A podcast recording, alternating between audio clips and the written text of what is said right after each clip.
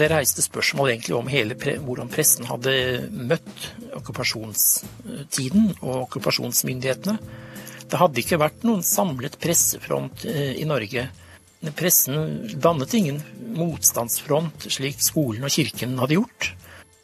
Og like til denne dag har det vært en underliggende inerasjon i norsk arbeiderpresse og norske, blant norske arbeiderredaktører over at presseoppgjøret ikke fant sted på den måten som de, som de hadde forventet i 1945, nemlig med en, en stor erstatning fra de borgerlige aviser til arbeideravisene.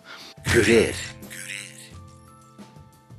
Etter at andre verdenskrig var over og de tyske okkupantene hadde overgitt seg for 70 år siden, den 8. mai 1945, var det tid for rettsoppgjør, der de som hadde vært medløpere for okkupasjonsmakten, skulle få sin straff. Det skjedde i form av landssvikoppgjør og et oppgjør mot økonomiske medløpere. Så også for norsk presse. Mange aviser hadde kommet ut under hele okkupasjonen og tjent store penger på det, mens andre, da spesielt arbeiderpressen og en del andre aviser, hadde blitt stengt av tyskerne. Et oppgjør ble det, men i motsetning til de andre rettsoppgjørene ble detaljer om dette oppgjøret holdt hemmelig. Det er tema for denne utgaven av Kurer. Men vi starter før den tyske okkupasjonen fikk sin slutt. Kampfeller,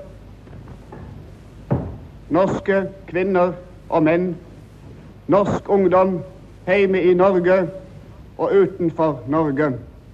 Vi har så ofte hørt fremholdt at i de demokratiske land, hvor man har en såkalt fri presse, der er det pressen som gjenspeiler folkemeningen. Men vi vet jo utmerket godt at det er akkurat omvendt, og at det også her i landet var akkurat omvendt før 9. april 1940. Det var pressen som ved sin behandling av nyhetene fra innland og utland skapte stemningen i folket ved å slå stort opp de nyhetene som passet for å skape en bestemt folkemening, og ved simpelthen å underslå andre nyheter. Slik forklarte Quislings kulturminister Gulbrand Lunde nazistenes syn på den frie presse i februar 1942. Før 9. april 1940 utkom det i Norge 260 dagsaviser. 114 av disse fortsatte å komme ut resten av okkupasjonen.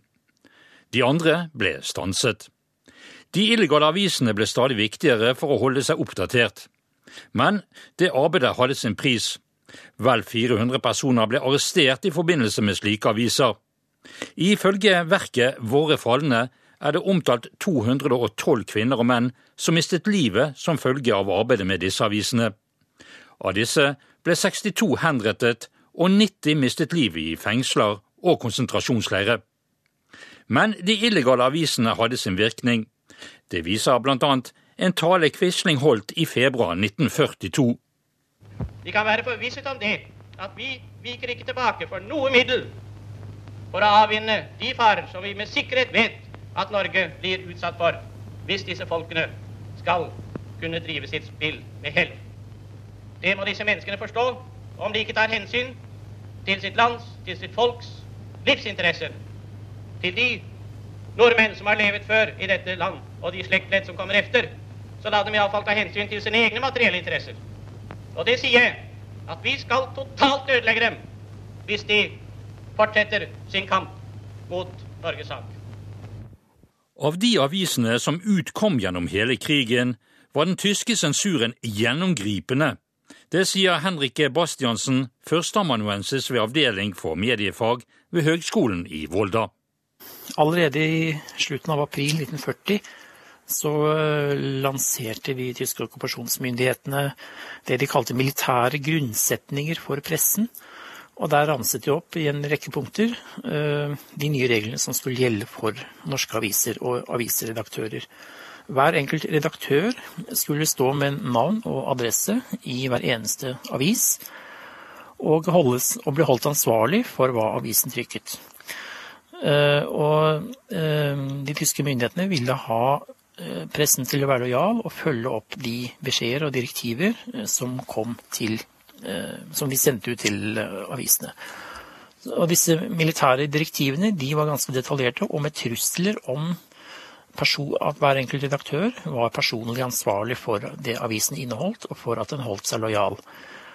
Og det het at uh, tyske myndigheter ville bruke de skarpeste forholdsregler hvis de ble skuffet i visse forventninger, sto det. Så, sånn at press, norske pressefolk levde under konstant trussel uh, fra, uh, fra 9.4.1940 og gjennom hele krigen. Trusler om personlig ansvar, forfølgelse, hvis de avvek fra de kravene som de tyske myndighetene stilte til, til norske aviser. Så dette lå i eh, disse militære grunnsetningene for pressen. Og eh, i tillegg til det så det så eh, utstedte også disse tyske okkupasjonsmyndighetene eh, direktiver til avisredaktørene som ble sendt ut som, som eh, privat til redaktøren-telegrammer eh, hver eneste dag. Og i dem så sto det detaljert hvordan de forlangte at norske aviser skulle presentere nyhetene dagen etter. Det kunne f.eks. hete at Quislings tale eh, der og der skulle slås opp på eh, førstesiden med bilde og gis entusiastisk eh, tilslutning på lederplass. Og hvis da avisredaktøren valgte, dette, valgte å sette dette nederst på side 15 i en liten notis istedenfor på førstesiden, så ville jo da det bli oppdaget, og han kunne vente seg represalier. Og dette trykket levde de med hver eneste dag under krigen. Hans Fredrik Dahl er historiker og har i mange år arbeidet med medienes utvikling, både som historiker og pressemann. Han forteller at man i den norske regjering i London hadde nedsatt et utvalg for hvordan pressefloraen skulle se ut umiddelbart etter krigsslutt. Og de bestemte at til frigjøringen skulle utkomme fellesaviser i alle norske store byer. Så Oslo, Bergen, Trondheim osv., helt ned til jeg tror det var tolv byer i alt. Så slo altså de utkomne aviser seg sammen og leverte en fellesavis i dagene fra 8. mai til 9., 10., 11., 12., da gitt den inn i Oslo. Den fortsatte inntil to-tre uker. Denne fellesavisen formulerte da hjemmefrontens glade budskap om at vår kamp er kronet med seier.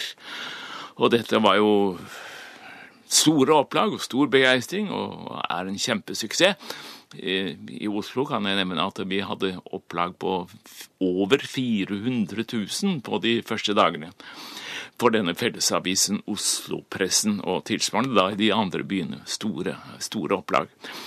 Eh, det var imidlertid eh, en måte å løse et veldig delikat problem på. Og det delikate problemet var selvfølgelig følgende at noen aviser var skal vi si, gående gjennom hele krigen, holdt det gående gjennom hele krigen. Andre var stanset, dels tvangsmessig av tyskerne og av NS, og dels hadde de gått inn økonomisk. Slik at det var et, et veldig forskjell mellom de som hadde utkommet under hele krigen og hatt fordel av abonnement og annonseinntekter, og de aviser som av politiske og andre grunner var stanset under krigen, og som sto foran en lang og vanskelig gjenreisning. Det var for å utjevne disse forskjeller at skal vi si fellesavisene så dagens lys i mai 1945, men publikum så det vel som overveldende som en suksesshistorie. Arbeideravisene som hadde vært utsatt for nazistenes harme, og hvor mange av avisene var stengt under krigen, hadde også sine planer ved krigens slutt, forteller Henrik G. Bastiansen. LO hadde sekretariat i eh, Stockholm, og eh, i London satt jo London-regjeringen. Og det var eh, mange nordmenn i disse to byene. Og de begynte mot slutten av krigen å planlegge hvordan ting skulle være etter at krigen tok slutt. En av dem som var i London, var Johan Ona, som var tidligere disponent i Nordlands Framtid i Bodø. Og eh, han satte opp detaljerte notater eh, hvordan, eh, om hvordan krigen hadde virket inn på de ulike avisene i Norge. Og han laget detaljerte planer om gjenreisningen av arbeiderpressen. Eh, altså den som hørte til Arbeiderpartiet og LO og talte arbeidernes sak. hvordan den skulle gjenreises etter krigen. Det planla han i detalj i flere store notater i London, og de har jeg lest og gjennomgått. Så det er veldig, veldig tydelig at her skulle pressen gjenreises som partipresse. Og han jobbet jo da særlig for arbeiderpressen. Eh, og den skulle gjenreises straks eh, freden kom. Det var arbeiderpressen som ble stanset av tyskerne, mens den borgerlige pressen fikk fortsette. Og det fikk store konsekvenser. Eh, aviser som fortsatte under krigen, da var det færre aviser, og derfor kunne de bli større. Så de vant jo da marked, eh, markedsandeler. Fikk flere lesere, flere annonser, og sto på en måte sterkere når krigen var slutt. Mens aviser som hadde vært stanset, de måtte jo da bygges opp helt fra grunnen av. Ofte var abonnement, abonnementskartoteker og alt mulig borte eller ødelagt. Trykkeriene til arbeideravisene kunne også være ødelagt. Så de startet bokstavelig talt helt på bar bakke. Så Johan Ona, han, hans inntrykk det var at arbeiderpressen var ødelagt under krigen, stanset, mens den borgerlige pressen hadde levd godt ved, uh, under krigen, og profittert på det. Johan Ona var jo ikke en helt uhildet observatør. Han, han, ble jo den fremste strategen i gjenreisningen av arbeiderpressen etter 1945, og han hadde en egeninteresse av å eh, fremstille det som en konflikt mellom borgerlig presse på den ene siden, som, da, som han da mente fortsatte og profitterte på krigen under hele okkupasjonen, mens arbeideravisene eh, ble lagt ned eller stanset, eh, som regel med tvang. Eh, det var et virkelighetsbilde som han hadde fordel av. De virkelige tallene bekrefter ikke helt det. Fordi det var også mange høyreaviser, venstreaviser og bondepartiaviser som ble lagt ned eller stanset under krigen, mens det også var fem arbeideraviser som faktisk fortsatte under hele krigen. Eh, og Grunnen til at det ble slik, at han oppfattet det slik, og det er blitt stående helt til i dag, dette her faktisk, eh, det var nok at, at norske aviser var en partipresse. Det var konflikten mellom den sosialdemokratiske eller sosialistiske pressen, arbeiderpressen, på den ene siden, og borgerlig presse på den andre siden, med Høyre, og Venstre og Bondepartiet. Det var hovedkonflikten eh, i den norske avisverdenen eh, på 1940-tallet. Så eh, oppgjøret og ansvaret for hvordan man skulle behandle avisenes rolle under krigen når man kom til 1945, det ble straks et oppgjør mellom arbeiderpressen og den borgerlige pressen. Altså, det ble, denne, dette oppgjøret havnet rett inn i partipressens konfliktlinjer mellom den sosialistiske og den borgerlige pressen. 8. mai 1945, det var jo frigjøringsdagen. Da var krigen slutt, og det var formelt. I Oslo så utkom det da en avis som rett og slett bare helt Oslo-pressen. Og det var en felles avis som ulike avisbedrifter gikk sammen om å lage. Og på førstesiden av den så sto det med store bokstaver 'Vår kamp er kronet med seier'. Norge er atter fritt. Og dette var et budskap fra ledelsen i hjemmefronten. Og under så sto det 'Krigens oppgaver er løst, fredens oppgaver venter'. Tydeligere, tydeligere enn dette kunne ingen avis markere overgangen fra krig til fred, fra pressesensur til pressefrihet. Dette nummeret av Oslo-pressen utkom i et helt utrolig opplag. Den norske presseveteranen Arne Falk var en av de som satt i redaksjonen i Oslo-pressen. Her forteller han i et arkivopptak. Det hadde jo aldri kommet ut et, et, et avis her i landet noen gang som hadde hatt så Som folk har vært så gærne etter som denne avisa. Det var uh, morgennummeret den 8. mai 1945, det var på 453 000. Og det gikk så fort ut at de måtte trykke et kveldsnummer òg, som stort sett var samme nummeret. Og det kom ut i 324 000 eksemplar. Og, og nesten et lignende opplag var det de I alle de fem dagene Oslo presse kom, så folk var forslukne etter, etter å se et fritt, et fri avis igjen. Med frigjøringen kom også rettsoppgjøret. Både personer som hadde samarbeidet med okkupasjonsmakten, og de som hadde profitert økonomisk på sitt samarbeid, skulle straffes. Så også med avisene. En prosess som Hans Fredrik Dahl karakteriserer på denne måten.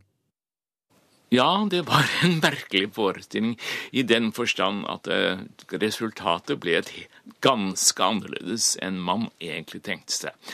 I, ved frigjøring i 1945 sto det klart for veldig mange i Norge at de avisene som hadde kommet ut gjennom hele krigen, under tyskernes og NSS sensur.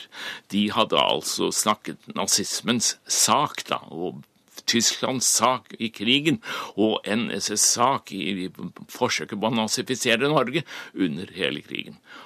De kunne da virkelig ikke for det første skumme fløten av at de var abonnements- og aviser, og derfor hadde abonnements- og annonseinntekter løpende gjennom hele krigen. Og dessuten kan vi si, skammen ved at det hadde vært naziaviser under krigen. Det var mange som mente at de de avisene som hadde holdt det gående som tyskvennlige organer under krigen, de måtte stanse i 1945 ved frigjøringen, og ordet måtte, så å si avisordet måtte gis til de heroiske aviser, de som var blitt stanset eller selv hadde gått inn. Man ventet altså et politisk oppgjør med pressen. Eh, jeg hadde det Jeg husker selv hjemme hos meg at mine foreldre mente at det kunne ikke fortsette slik at Aftenposten kunne være skal vi si, fri, frigjøringens avis. Den hadde jo talt tyskernes sak under krigen og måtte gå inn. Og de var slett ikke radikale, men de mente at det var ikke mulig. Men det viste seg at det var mulig. Det viste seg at de avisene som hadde vært sensurert under krigen, de gjenoppsto et, etter fellesavisene eh, under frigjøringen. De gjenoppsto i 1945 som frie aviser, talsmenn for sine politiske partier. Alle aviser var jo, alle aviser som betydde noe, var jo partiaviser på den tiden. Eh, og de avisene som var blitt stanset, de klarte veldig raskt å reetablere seg, slik at vi hadde et partipolitisk pressemønster med en levende av høyrepresse, venstrepresse, arbeiderpresse og for øvrig presse i eh, ganske snart etter krigen. Etter eh, ett år var det meste gjenreist, etter fem år var det pressemønster gjenreist etter hvordan det hadde vært før krigen. Det vil si, norske aviser var på ny en partipresse. Og da skulle man jo tro at eh, alt var i sin eh, skjønneste orden? Ja, det skulle man tro. Men eh, hvorfor hadde nå så mange ment i 1945 at, eh, at de avisene som hadde holdt gående under tysk sensur, de måtte inn. Jo, de mente at det var skal vi si, politisk riktig.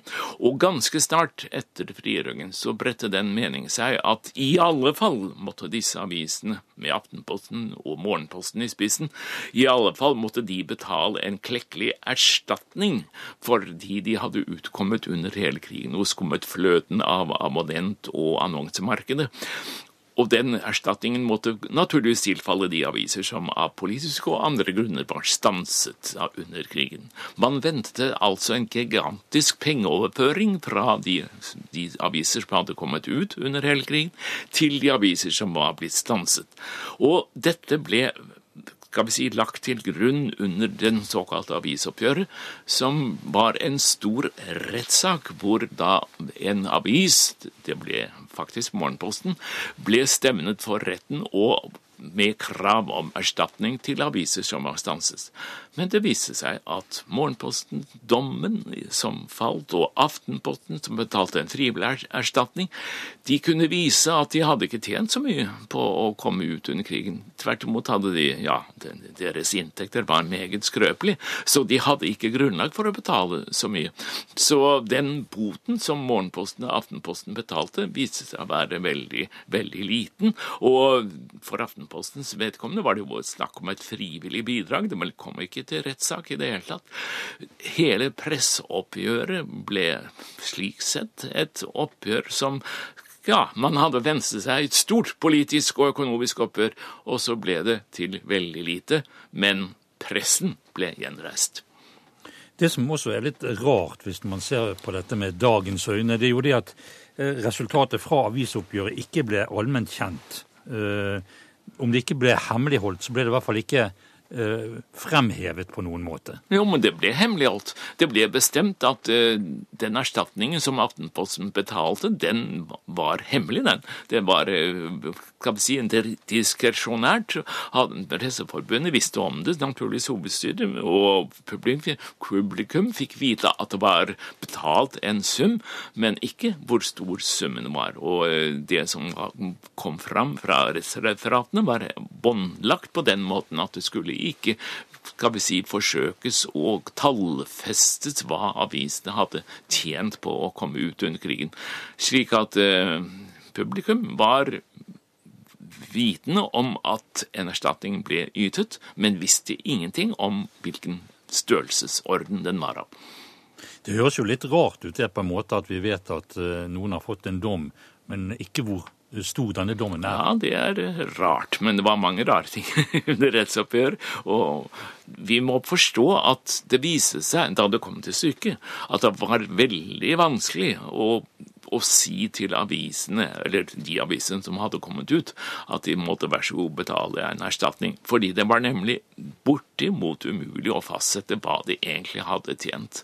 Så det viste seg, akkurat som i det økonomiske landfikkoppgjøret for øvrig, at det var veldig vanskelig å tallfeste verdien av, eller kan vi si pengeverdien av, av kollaborasjon med, med, med, okkupasjonsmakten. Det var mye lettere å ta, dem, ta landssvikerne på politisk grunnlag enn på økonomisk.